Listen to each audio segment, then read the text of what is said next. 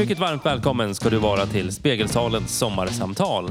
En samtalsserie där du hör företrädare för samtliga partier som finns representerade i kommunfullmäktige i Gävle kommun i ett något mer avslappnat samtalsformat. Och gäst i dagens avsnitt är Kristdemokraternas kommunalråd i opposition, Jan Myleus.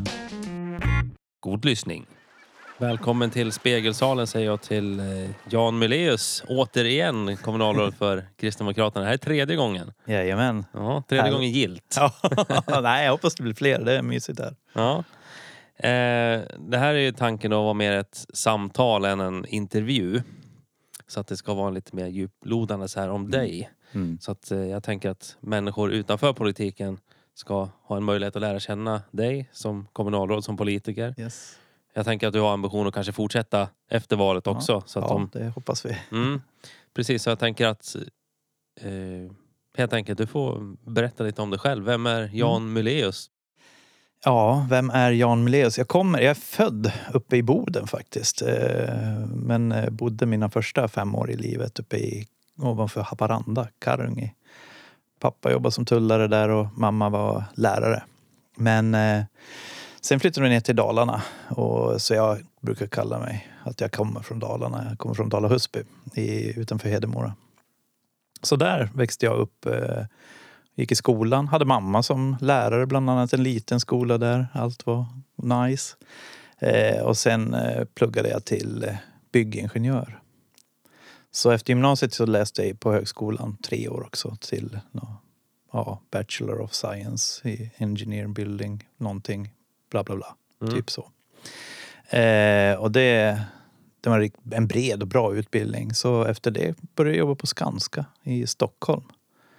Så eh, ja, det gick flyttlasset till Stockholm. Och eh, där träffade jag min fru som kom här från Gävle, Nadja. Jag hade träffat henne tidigare också några gånger och vi hade bekanta eh, tillsammans. Men eh, gifte mig 1995, så det är 25 år sedan snart. Och så bodde jag 12 år i Stockholm, eh, söder om stan. Först i Örby och sen flyttade vi till Skogås till ett radhus där. Eh, ja, det är min, min raketuppväxt på två minuter, en minut. Ja, jag tänker på om vi försöker hålla oss lite kvar Mm. i barndomsåren. Så Ja. Hur, eh, Dala Husby sa du? Yes, Inte Dala Husby. Husby. Jag vet inte vad det heter. Nej. Ehm, hur eh, är det en... Jag har väldigt dålig koll på Dalarna, tyvärr. Mm. Hur, eh, vad är det för samhälle? Vart, Nej, det, eh, är- det är ett litet bondesamhälle. Mina bästa kompis, eller min bästa kompis där eh, ägde en stor bondgård. Så jag började tidigt jobba på en bondgård. Eh, Hjälpte till med hökörning och målade hus. Och... Och så blev du inte centerpartist. Nej, precis. Konstigt. Jag minns mycket väl när jag kom in eh, Centerpartiet. Då stod det CP på, eh, på en stor dekal de hade vid ett val.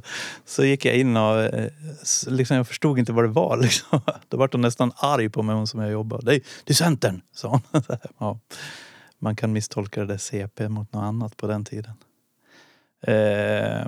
Eh, ja, nej men så jag är uppvuxen på en liten, liten ort. Eh, alla kände varandra och ja, det var riktigt mysigt. Så. Ja. Höll du på med några sporter när Ja. du var liten?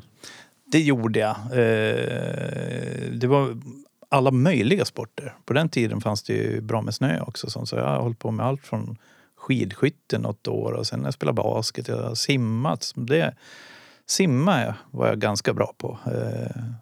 Sen har ja, jag har hållit på med det mesta. Basket, innebandy, fotboll och eh, där var ju tjejerna där hade häst. Det var ofta tjejerna som hade häst så jag var med och hoppade lite grann med hästred. Eh, hoppa var väl att ta i. Det var väl nog hästen som hoppade. Jag råkade sitta på men ja, typ så. Eh, så nej, men jag har hållit på med det mesta faktiskt. Det var Ingen av sporterna tog till lite högre nivåer utan Nej, det var det inte. Det som jag spelar mest i livet är innebandy. Men inte någon direkt högre nivå. Jag spelade ett, ja på den tiden var det väl ett ungdomslag som var i den högsta ungdomsserien, U-laget. Eh, Så då, jag minns att jag mötte två landslagsspelare. De eh, spelade i Mora och de hade varit skadade så då fick de hoppa ner i deras U-lag.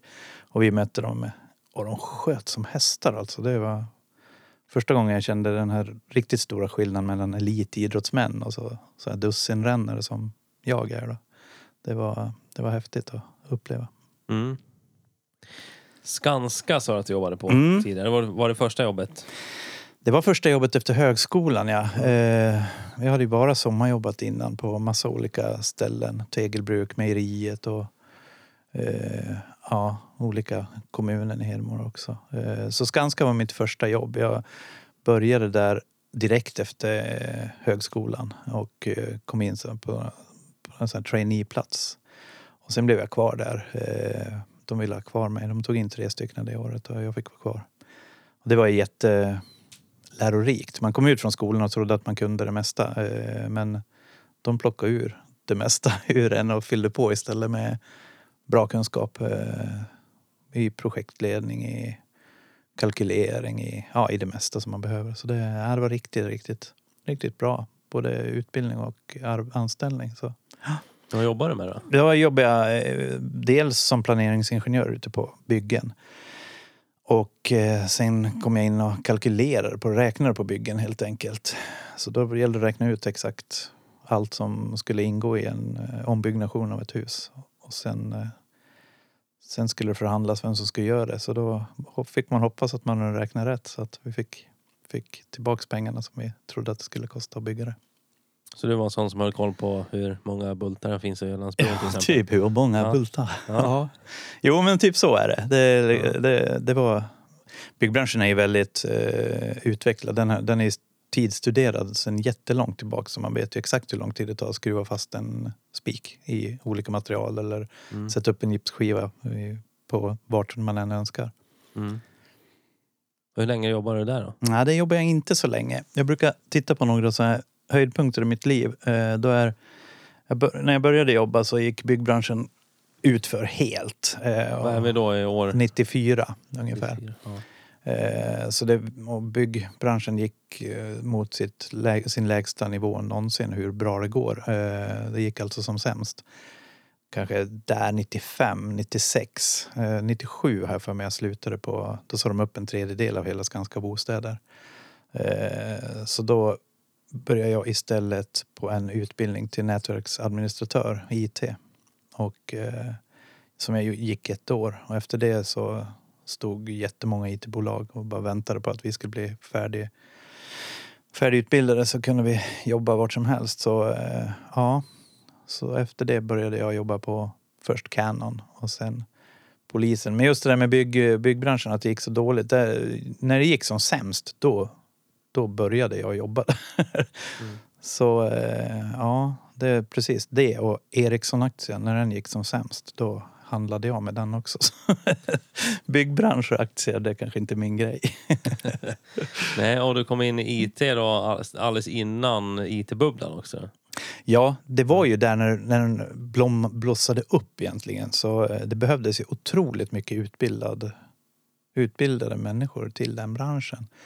Eh, och det var därför de, det var många, man fick, när, man, när vi slutade vår kurs så var det flera företag som bara stod och väntade på att vi skulle tacka ja. Så man, jag förstod inte hur bortskämd man var över det när man bodde i Stockholm. Jag tog det som jag tyckte var närmast eller som jag tyckte var mest attraktivt på det. Att man kunde bara välja och vraka. Det var ju otroligt eh, bra. Mm. Vilken förmån. Jag valde bort några företag bara för att jag inte orkar sitta på den linjen och harva. Så det, Ja. ja, och det är det, ett det är bortskämt. Ja, lyxproblem. Det är. Ja. Verkligen. Vad var det för företag du hamnade på då? Så det var det... Då hamnade jag först på Canon. Canon. Eh, och eh, då, där fick jag inte fast anställning. Det gick på timme. Men jag tyckte det var så intressant. Och chefen var borta på semester eh, ett tag över sommaren då när jag jobbade där. Och då dök jobbet på polisen upp och det var så mycket närmare. Det var bara en kilometer bort från där jag bodde. Så jag tänkte jag, men jag söker det och så fick jag det också då. Eh, så då, eh, ja, han var nog lite besviken där Canon-chefen för att jag drog från han räknade med att anställa mig, men eh, eftersom de var så sega på att ge mig anställning hade de- gett mig direkt hade jag varit kvar. ja, Och sen har du varit kvar på polisen och sen dess eller? jajamän, det har jag varit. Eh, och det har ju, polisen är en sån här organisation som omorganiserar sig väldigt, väldigt mycket. Så jag har eh, bytt eh, ja, enhet väldigt, väldigt många gånger, men gjort samma sak. Eh, om man säger så. Jag- heter de mesta bokstavskombinationerna, eh, min avdelning. Men eh, så där, då jag jobbat, nu är vi i Västberga i söder om Stockholm. Eh, där började jag. Och sen jobbade jag även inne på Kungsholmen. Och sen fick jag 2006, när vi flyttade upp hit, så fick jag anställning här på polisen. Här också, som IT-administratör. Vad gör man då? då? Då ser du till att datorer funkar. De ringer supportcenter när de har problem med datorerna, poliserna. Eh, och det supportcentrum tar 85 procent av fallen, löser de.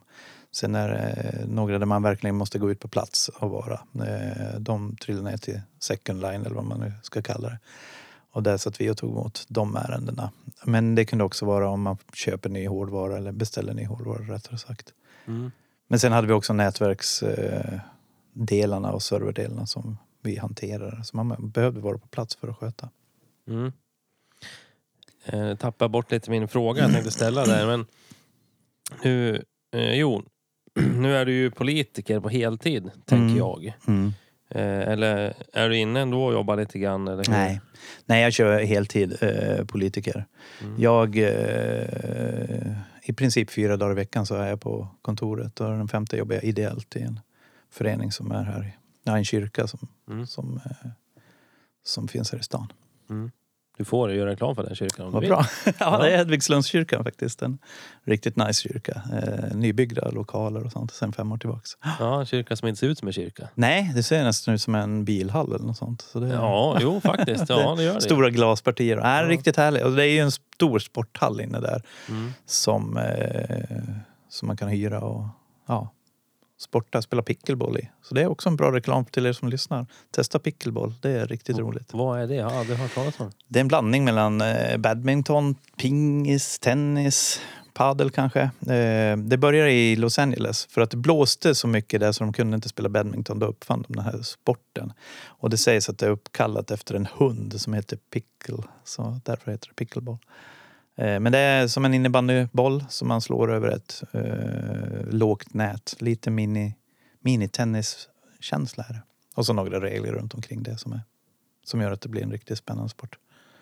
Så en liten tennisplan egentligen. Ja, precis. precis. Och så innebandybollar. Ja, exakt. Är det racket med Racket nät? Eller är de... Racket med trä, typ så ett strand, beach. Ja, just det. Mm. Ja, såna När man racket. kör på OK liksom. Yes. Eller precis. OK Q8. OK, Ja. OK innebandytennis. Ja.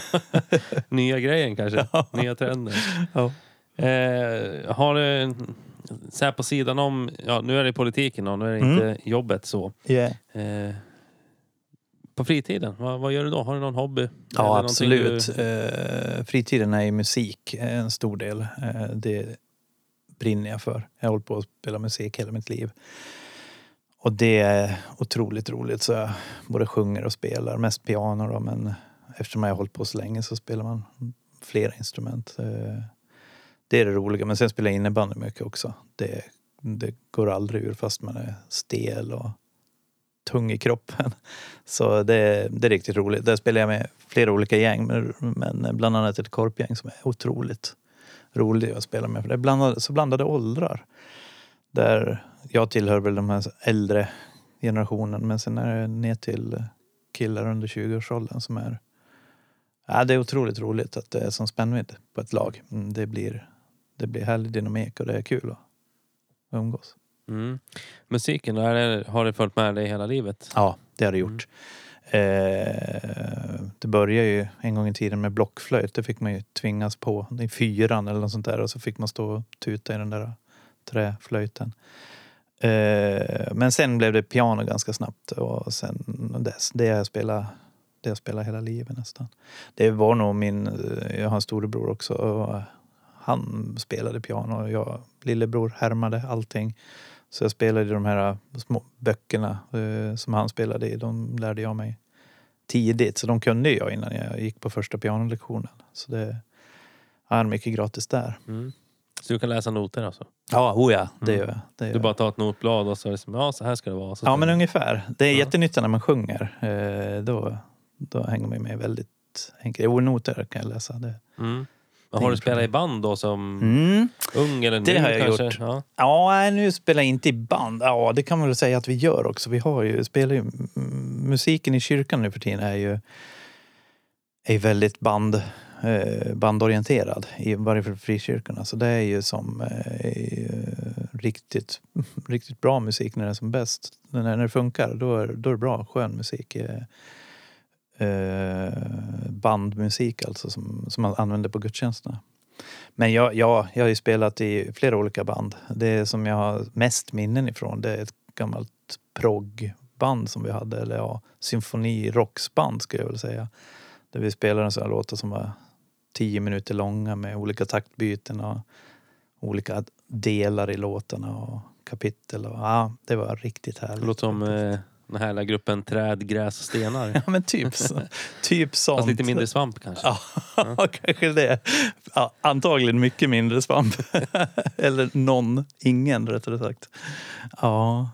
Nej, det var riktigt nice. Eh, Det var, då spelade jag hängsynt, sån där synt som man har på magen. Ser ut som en gitarr. Gitarrsynt kanske. Ja, vad heter det. han? Eh, pianisten med långa håret. Ja, Robert Wells. Ja, han brukar väl köra sånt. Ja, precis, precis. Jo, så den har jag hemma där.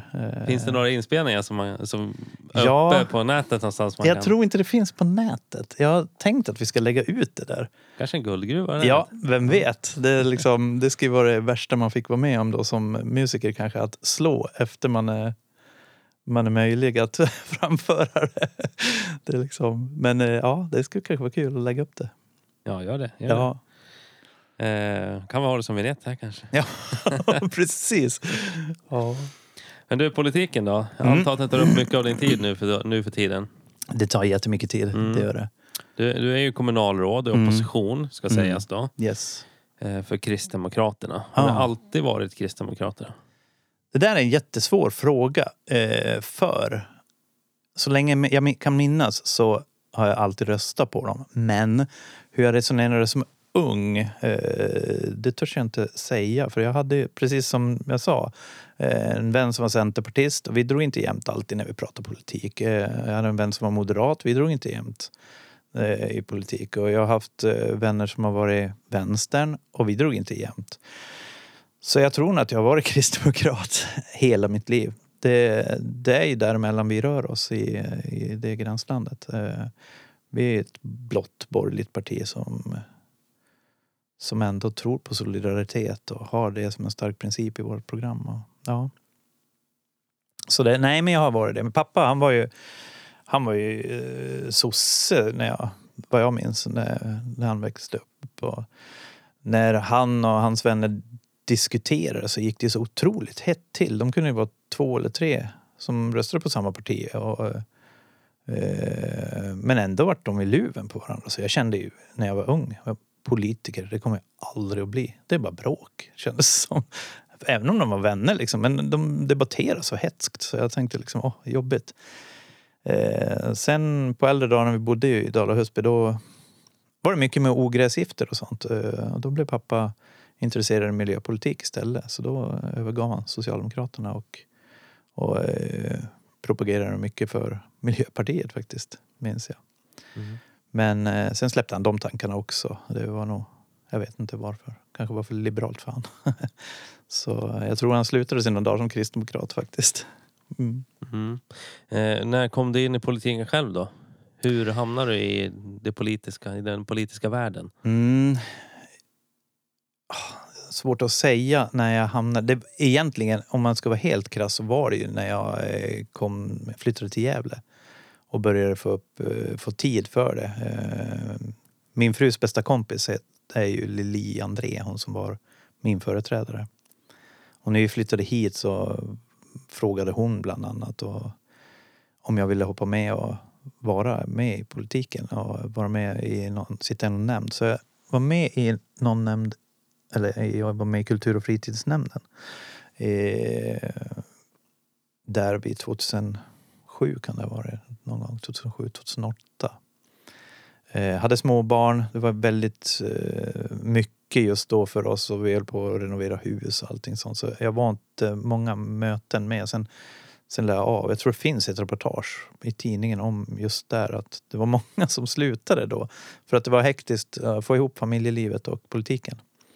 Eh, Kristdemokraterna har ju alltid varit så här, ja men familjen går först. Det är väl inget mer med det. Så det, det, då valde jag familjen och slutade. Eh, men sen 2014 vid valet, då eh, stod jag i valstugan och hjälpte till att debattera och var på skolor och så. Det var jätteroligt. Eh, och sen efter det har det trillat på bara. Mm. Hur kom det sig att du blev kommunalråd då? Ja, jag har ju funnits där i bakgrunden i Kristdemokraterna hela tiden.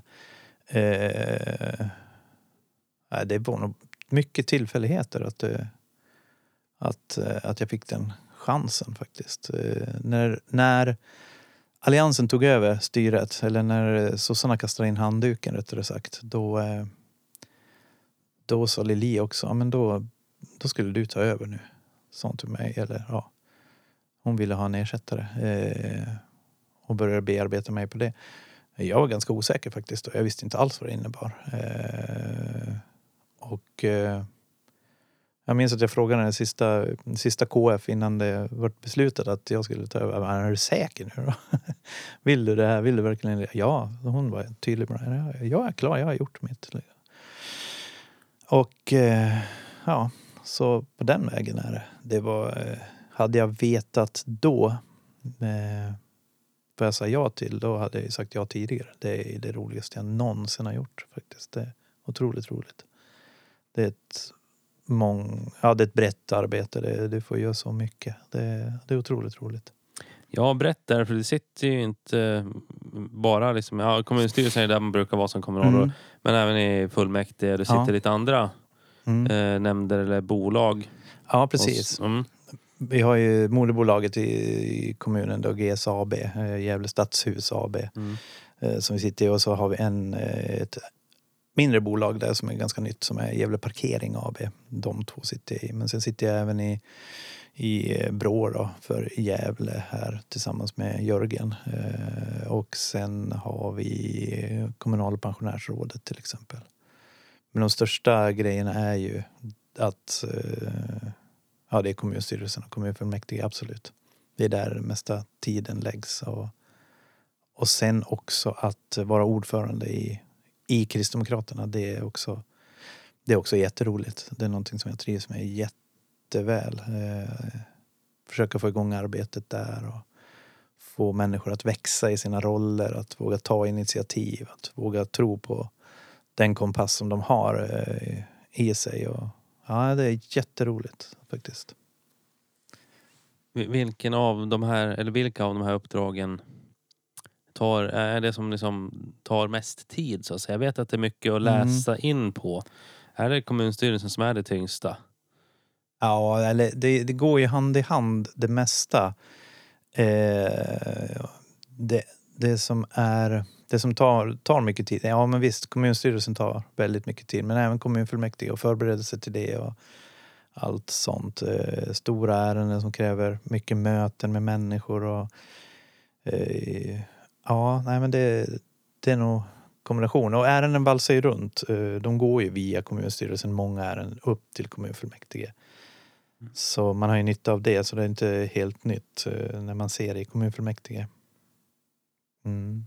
Har du några hjärtefrågor inom politiken? Ja, jo det har jag ju. Absolut. Eh, det som det som jag egentligen brinner, det jag brinner mest för nu, det tror jag är ungas, hur, hur unga mår.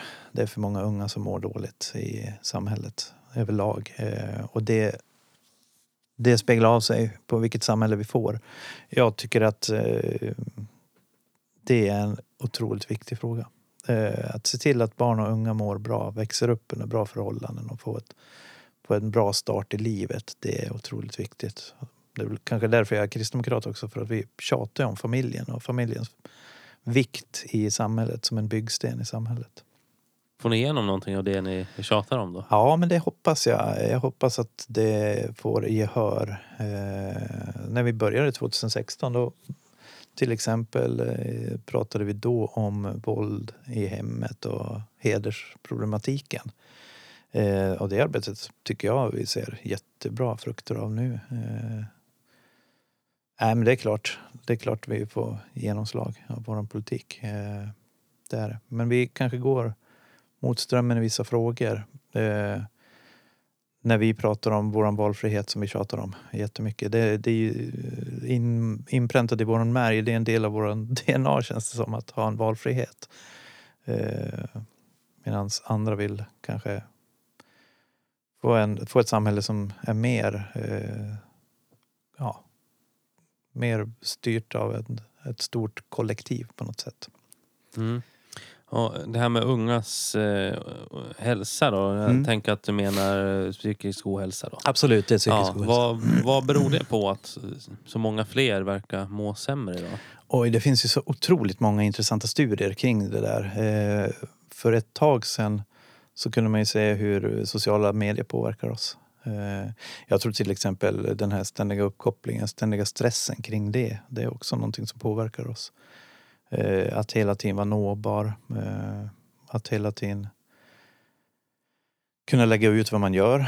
Kunna eh, nå ut och bygga bygger upp en stress på att jag ska, måste också nå ut med någonting annars är jag ingenting. Eh, jag, tror det, jag, tror, jag tror faktiskt det är en jätteviktig grej. Men sen, eh, sen är det de vanliga grejerna. Har man ett otryggt hem eh, får man se våld i hemmet. Det, är ju, det påverkar otroligt mycket. Eh, ja, så det är många olika faktorer. Ja, kan man se ett samband i de här eh, undersökningarna med smartphonens intåg?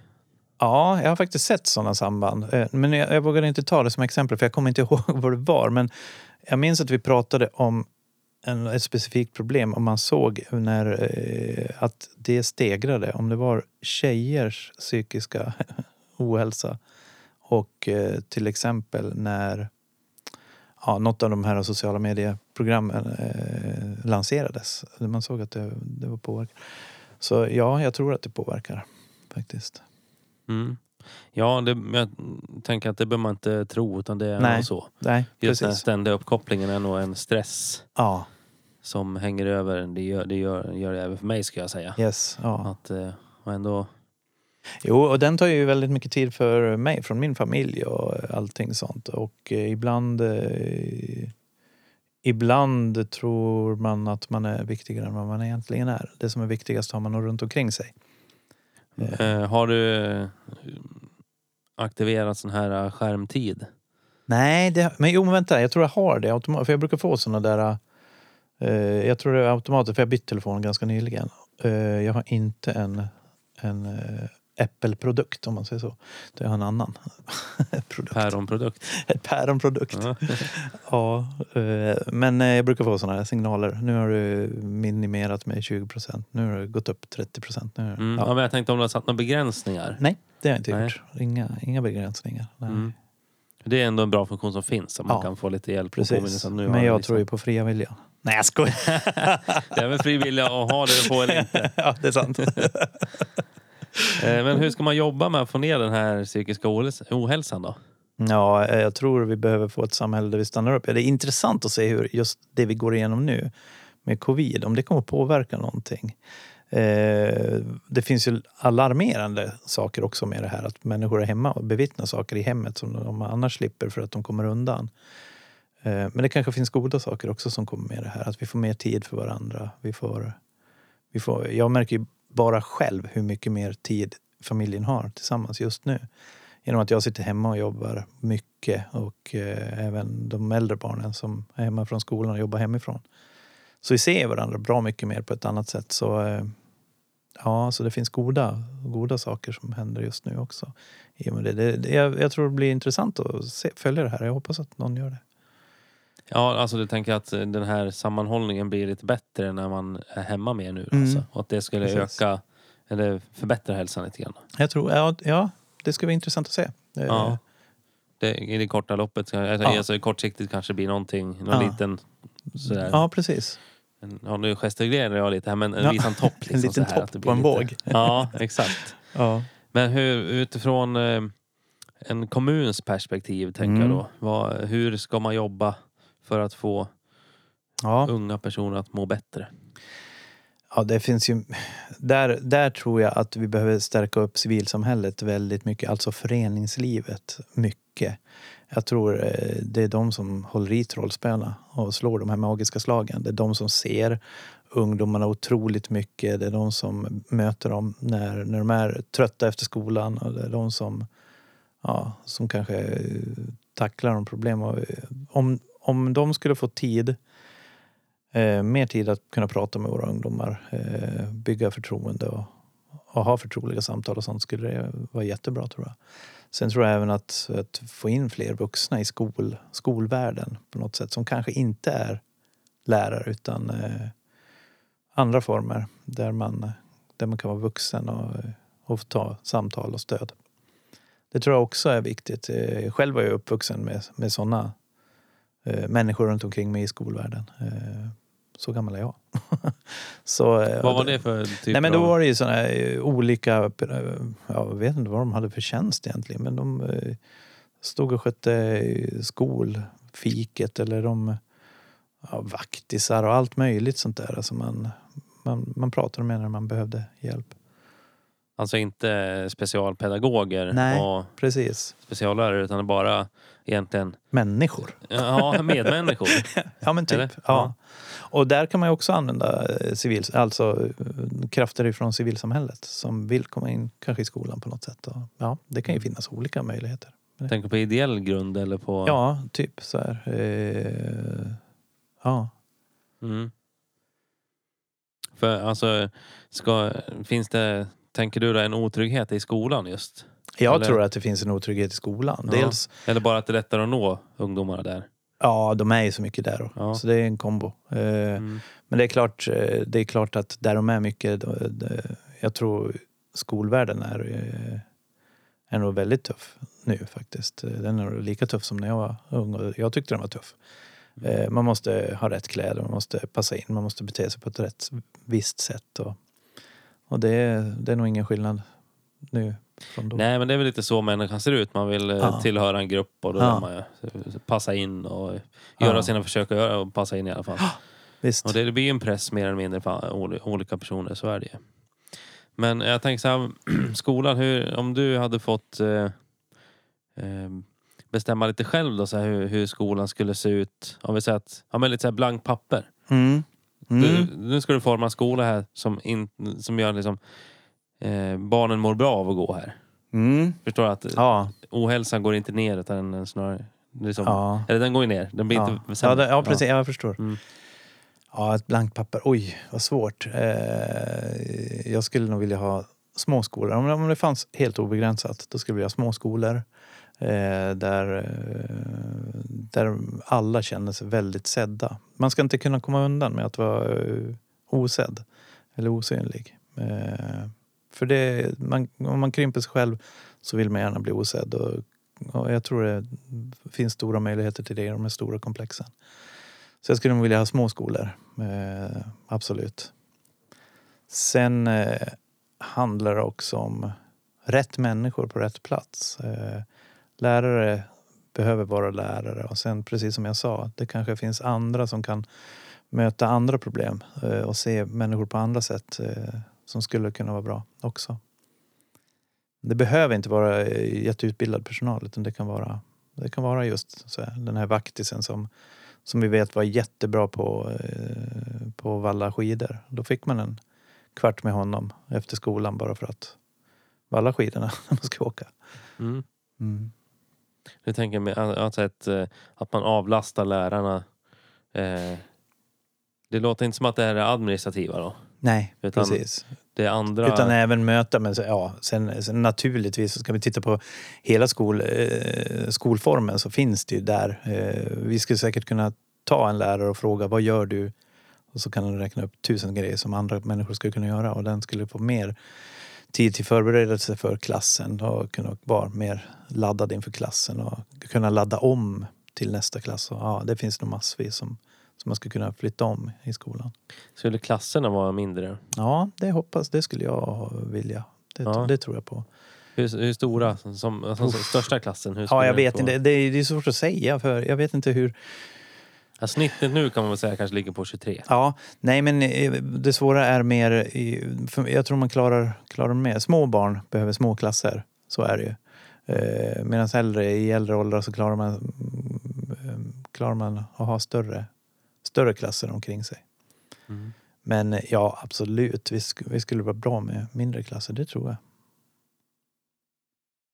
Och vi pratade lite innan vi började spela in här om eh, skolgårdar. Mm. Vi pratade om en specifik skolgård i Gävle kommun som vi Mm. inte behöver nämna. Då, men den är ju inte ensam i sitt slag så att säga och var lite tråkig, Nej. milt uttryckt. Mm. Hur skulle det, för det är ju så arkitekt- arkitektur, det är liksom skapar ju förutsättningar, det påverkar människor. Mm. Hur, hur skulle du ha liksom du har ändå jobbat inom byggbranschen så har du Ja, någorlunda det. koll. Hur skulle du liksom bestämma om en skolbyggnad ska se ut så här? Ska det vara ett gammalt slott eller ska det vara en hypermodern glasbyggnad? Eller, Ja, just det. Ja, det är intressant också. eller Hur ja, skulle det ska vara? det vara ja. skitstort eller ska det vara jättelitet? Ursäkta språket. Men, Precis. Nej, men jag förstår dig. Uh, ja, det är svårt alltså. Det är jättesvårt. För jag, tror, jag tror att vi är så olika. Så en del skulle vilja ha det här stora, det stora nya. Andra vill ha en liten gårdsskola ute på landet. Eh, så det, jag tror det behöver finnas en mix eh, av allting. Men eh, däremot så måste vi ju hela tiden ha tilltalande miljöer för barnen. Och det lär finnas grönt runt omkring dem så att de kan, kan få en, ja, en möjlighet att andas natur och frisk luft mellan passen. Och, ja, det är mycket som vi behöver tänka på runt omkring där. Men jag tror inte, jag tror inte, jag, jag tror inte på det här eh, konceptskolor. Det är svårt att liksom eh, sätta, sätta, ta min tillit till. Jag tror att vi måste anpassa skolorna efter och möjliggöra folk att få välja, välja vilka skolor man ska ha. Man ha. konceptskola, vad är det för någonting? Nej, men jag tänker så här, eh, att man säger att så här ska en skola se Jag tror inte, jag tror inte på att ha någon slags likformighet eh, i skolan på det sättet.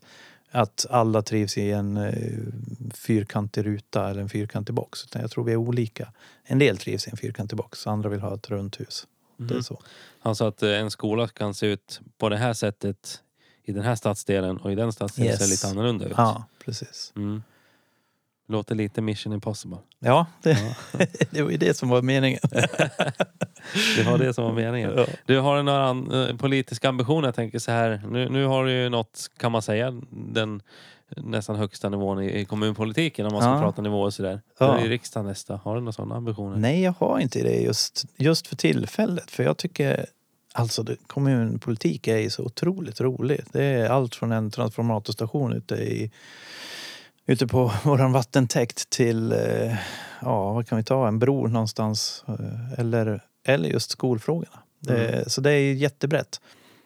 Eh, naturligtvis skulle, skulle det vara intressant att jobba i riksdagen. Det är ju också så här spännande men jag har inga ambitioner att ta mig dit just nu. Jag, mina ambitioner är istället att försöka få en fungerande lokalförening här som fungerar riktigt, riktigt bra. Och, och jag tycker vi är på väg ditåt enormt med stora kliv. Det har inte varit dåligt innan men jag tycker, jag tycker vi är i en utvecklingsfas i, i vår förening, i Kristdemokraterna.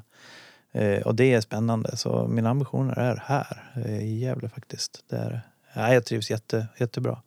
Sen har- har vi ju den bästa partiledaren i Ebba Busch Thor. Så, så det skulle vara intressant att eh, jobba och se hennes ledarskap på nära håll. Om man säger så. Det skulle vara intressant. Det, det fick mig att tänka lite på, har eh, Kristdemokraterna några, några riksdagsledamöter från Nej. Gävleborg? Nej, det har vi Ni inte. har inga mandat här? Vi hade under valnatten en kort sekund Martina Kynäs. Men eh, ja, Mm. så det, nej, tyvärr. Vi behöver, eh, så det är alla, om alla som röstar, eh, som hör mig nu röstar på oss, då kommer vi att ha en. Och det behövs i den här regionen. Vi behöver en kristdemokrat i riksdagen. Mm. Och den kristdemokraten heter? Ja, det kanske är Martina då. Jag vet Ja. inte. Får se. Ja, hon stod högst upp på listan va? Ja, hon stod högst upp på listan. Just Eh, ja, precis. Är det ett mål ni jobbar mot eh, i Gävleborg? Absolut, absolut är det det. Eh, målet... mycket krävs? Många fler röster krävs? Ja, du, jag ni- vet faktiskt inte. Det är, det, är, det är inte jätte, det är inget oöverskådligt mål. Alltså. Jag tror att eh, går det bra i det här valet som kommer så kommer, kommer vi ha en plats. Det, det tror jag. Vi är på frammarsch. Det märker man jättemycket. Vi får så mycket medlemmar hela tiden och det, det är jätteroligt. Jag tror folk börjar, börjar få upp ögonen på nytt eh, på ett parti som är värdeorienterat och som vill ja, kan ta i värde, värdefrågor på ett annat sätt än vad, som, vad man är bekant med tidigare. Mm, vad menar du med värdefrågor då? Ja, men eh, de här mjuka frågorna som, eh, som kan vara svåra och svåra att diskutera. Det, är- just det är därför jag är kristdemokrat. För att, för att vi tror på människan. Människan är det viktigaste, det är det centrala i vår politik. Att människan är okränkbar, unik, eh, ovärderlig.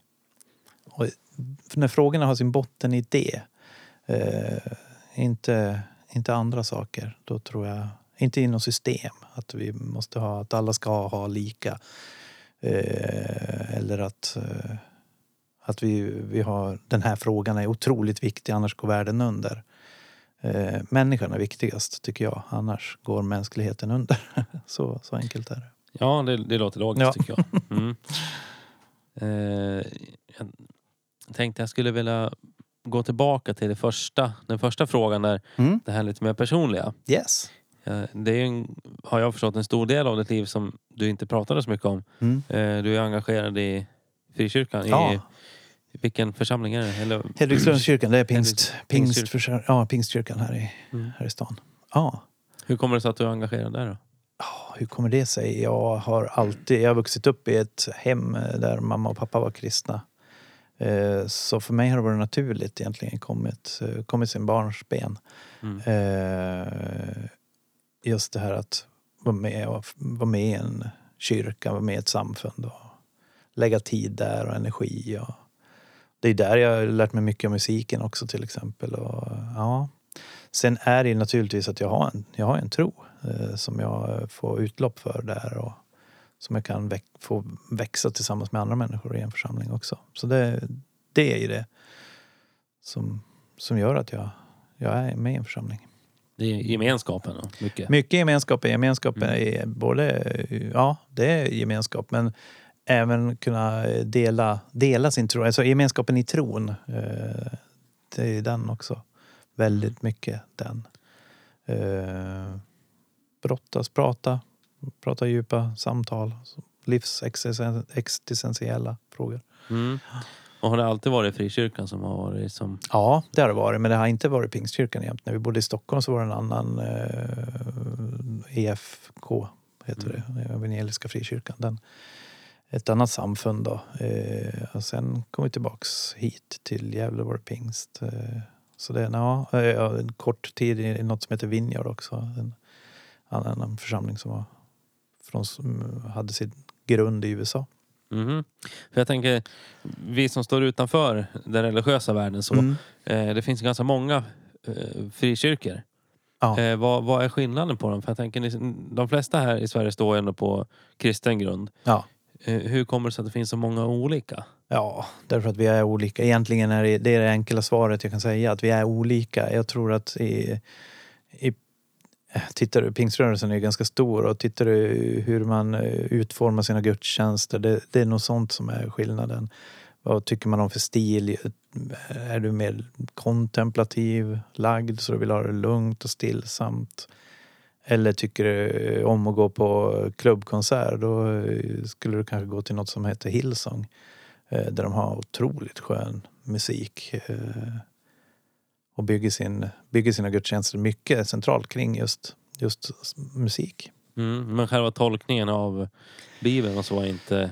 Nej. Den skiljer sig inte så mycket. Nej, det gör det inte. Men det är klart det finns skillnader på hur man ser på till exempel dop, sådana frågor. Det, det finns ju skillnader, men eh, i frikyrkorna är de inte så stora. Det, det, är inte, det är inte det som är det viktiga. Det finns mer som förenar än, än, än drar isär, skulle jag nog vilja säga så.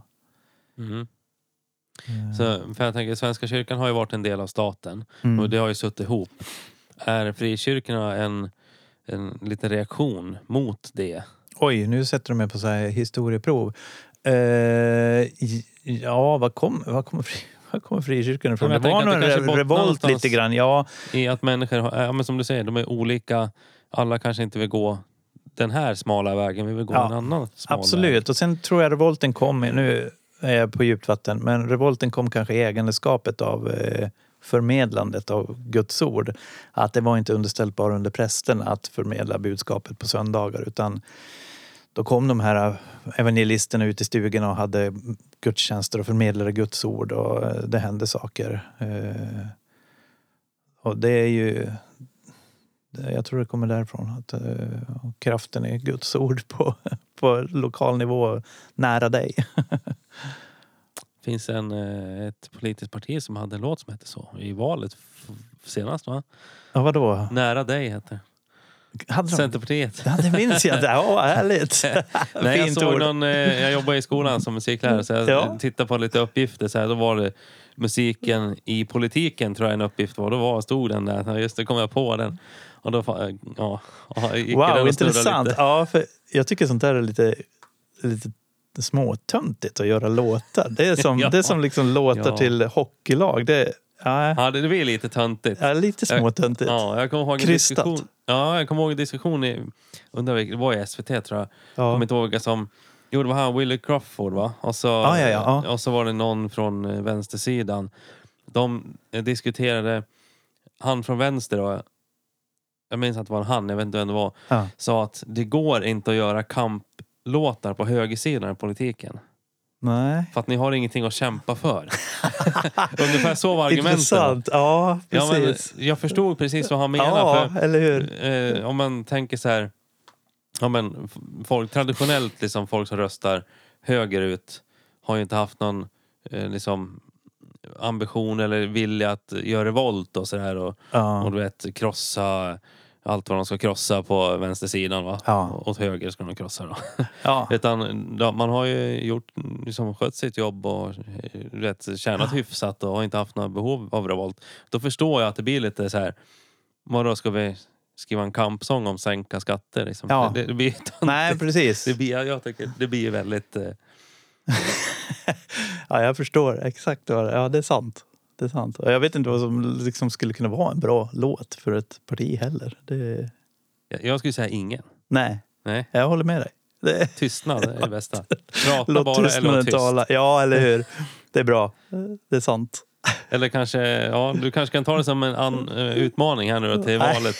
Att skriva en låt åt KD här Ja, i- i precis. Nej, jag tror jag skippar En det. progglåt på 18 minuter. Med olika taktbyten. Ja. Ja, Då Ja, vore det, det sk- det ska vara något fint. Ja, något så, grymt. så öppnade valstugan med den. Ja, i valet nu sist så satt jag och spelade eh, livemusik lite grann tillsammans Mm. med Koduarna. Det, det var lite roligt Mm. faktiskt. Ja, ni har ett ungdomsförbund här i kommunen? Ja, eh, det har vi. Eh, Vi har ganska många medlemmar faktiskt i det. Men vi har haft, Mm. ja, tidigare har det varit lite olika ordförande som har Ja, man kommer gå, det är ungdomar flyttar. De hittar jobb och hittar studier på olika ställen. Och det måste de få göra. Men eh, nu har vi en kille som heter Emil som är grym. Eh, ja. Viktigt att ha ett bra ungdomsförbund tror jag nära sig. Det är riktigt bra. Mm. Ja, jag har inte uppfattat att ni har haft något. Men det är kanske jag som har missat. Ja, nej, Men- nej, men vi har mycket medlemmar. Eh, Kristdemokraterna överlag har ju väldigt mycket medlemmar i sitt ungdoms, eh, ungdomsförbund. Mm. Vad jag förstår så är det bland de tre, tredje eller fjärde största.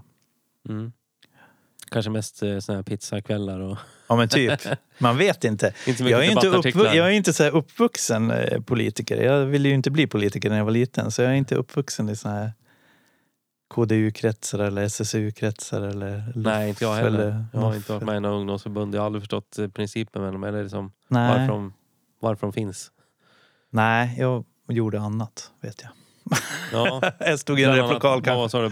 Basket, Ja men lite typ. ridning, lite skidor, innebandy. Ja det var mycket. Det Ja. var det. Så jag förstår att det inte fanns Simning. tid till politiken. Där. Nej faktiskt, nej det är sant. Och så mycket musik också på det. Så det Mm. ja. Men det är sista frågan ja. är vi framme vid tänker Oj. jag här. Eh, har du några smultronställen här i kommunen som du skulle vilja dela med dig av? Ja, det har jag. Eh, mitt personliga smultronställe det är faktiskt våran bakgård. Jag satt och tänkte på det igår. Det är skönt. När jag kommer hem då är det bara skönt att gå ut och, och liksom slappa. Jag kan, det, ja, det tycker jag om.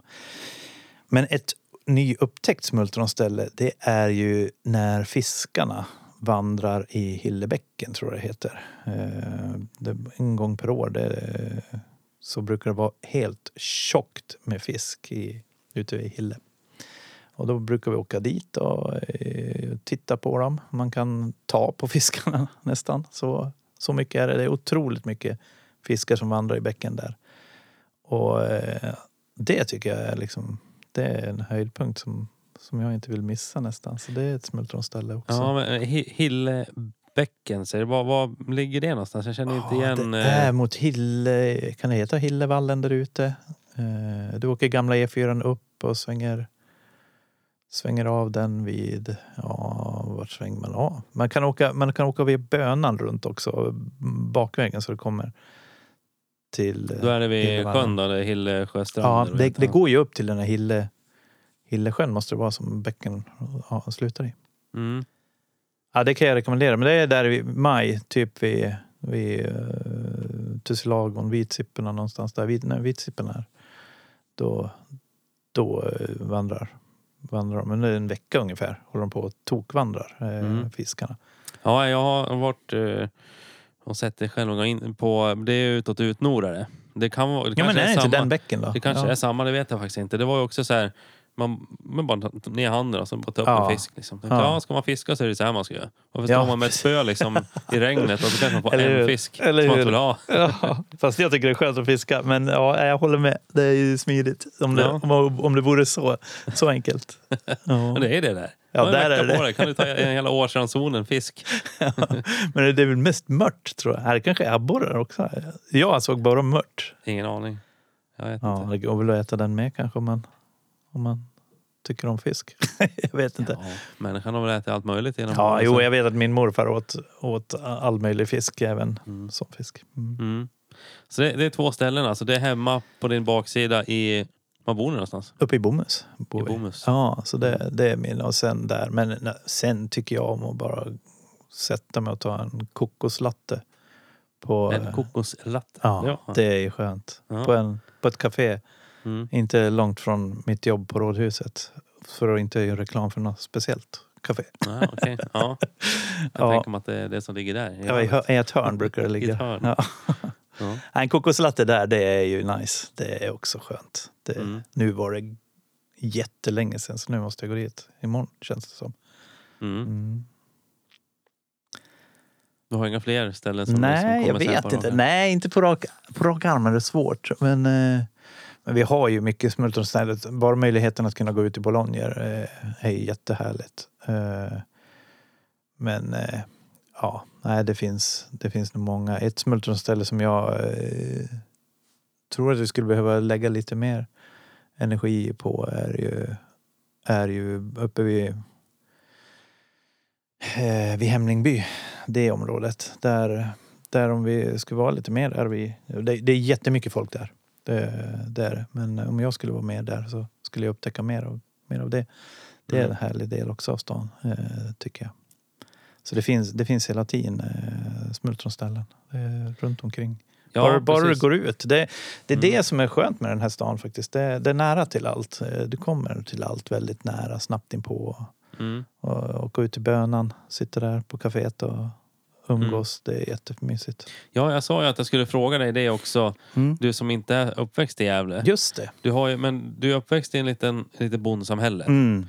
Men du har också bott i Stockholm. Ja, Och nu bor du i Gävle. nu bor jag mittemellan. Ja, hur, hur är, om vi säger så här, första dagen du kom till Gävle liksom, Ja. och du skulle flytta hit. Ja.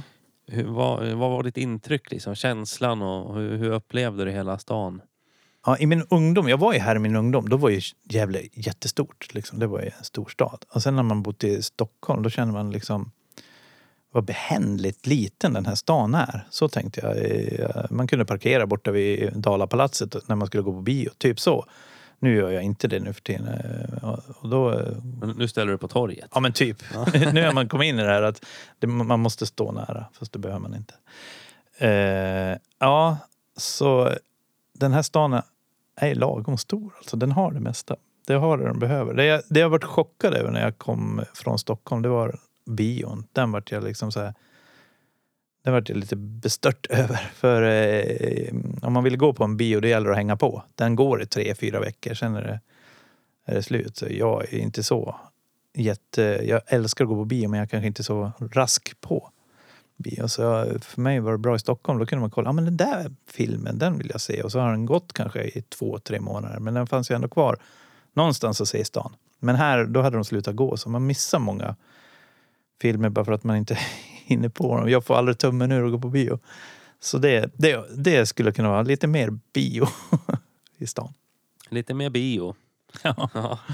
Då i alla fall när du flyttade hit. Ja, då när jag flyttade hit. Nu Ja. behöver jag inte det. Nu hinner jag inte. Ändå. Nej men då fanns det ju fler biografer också. Nu finns det bara en. Ja, det kanske det fanns faktiskt. När flyttade du hit? sa du? Eh, 2006. För då fanns det, där Myrorna ligger idag, Ja. fanns det en.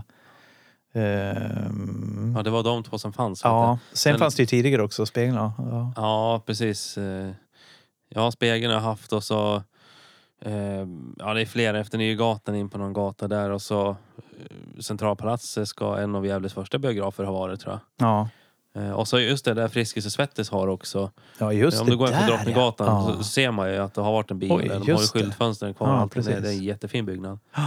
Nej, nu har vi bara den inne i stan och så sjuan då ute på gasklockorna.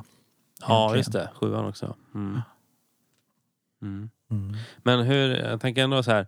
Eh, många Gävlebor pratar ju, pratar negativt om Gävle själv. Mm.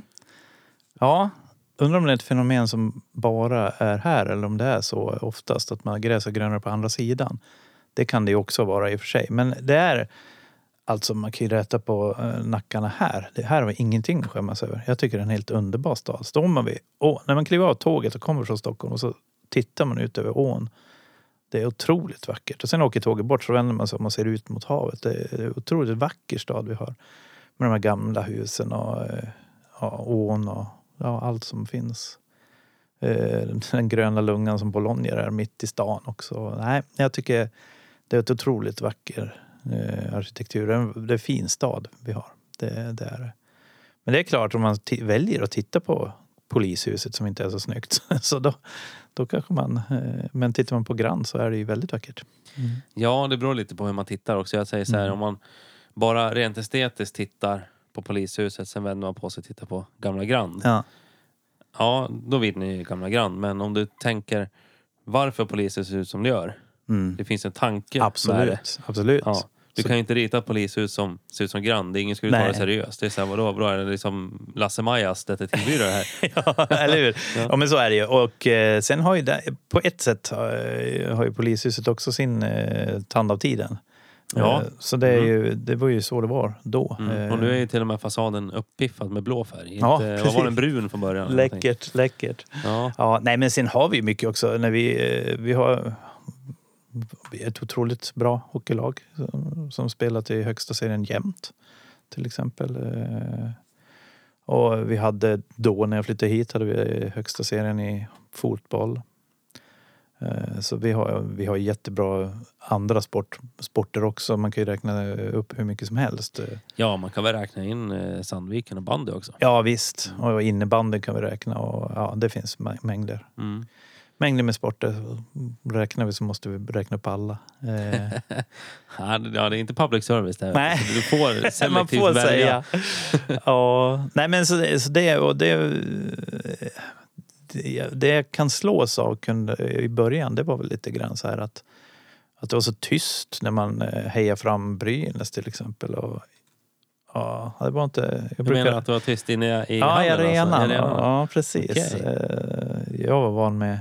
Jag är van med ett annat lag där det är mer liv om man säger så. Ja, okej. Så Ja. Så det, jag vet inte om det också är så här, om man tycker illa om stan och sen liksom har man svårt att heja fram sina, eh, sina eh, bästa spelare på plan och sånt det, där. det är svårflörtad publik det här. Ja. publiken. Ja, det, är, det har Ja. man ju sagt. Det har man sagt musikmässigt också. Ja. Men jag vet inte. Det, det får vi ändra på. Det börjar ju hos mig i sådana fall. Eh, när man går på konserterna på Furuvik som är helt underbart att vi har.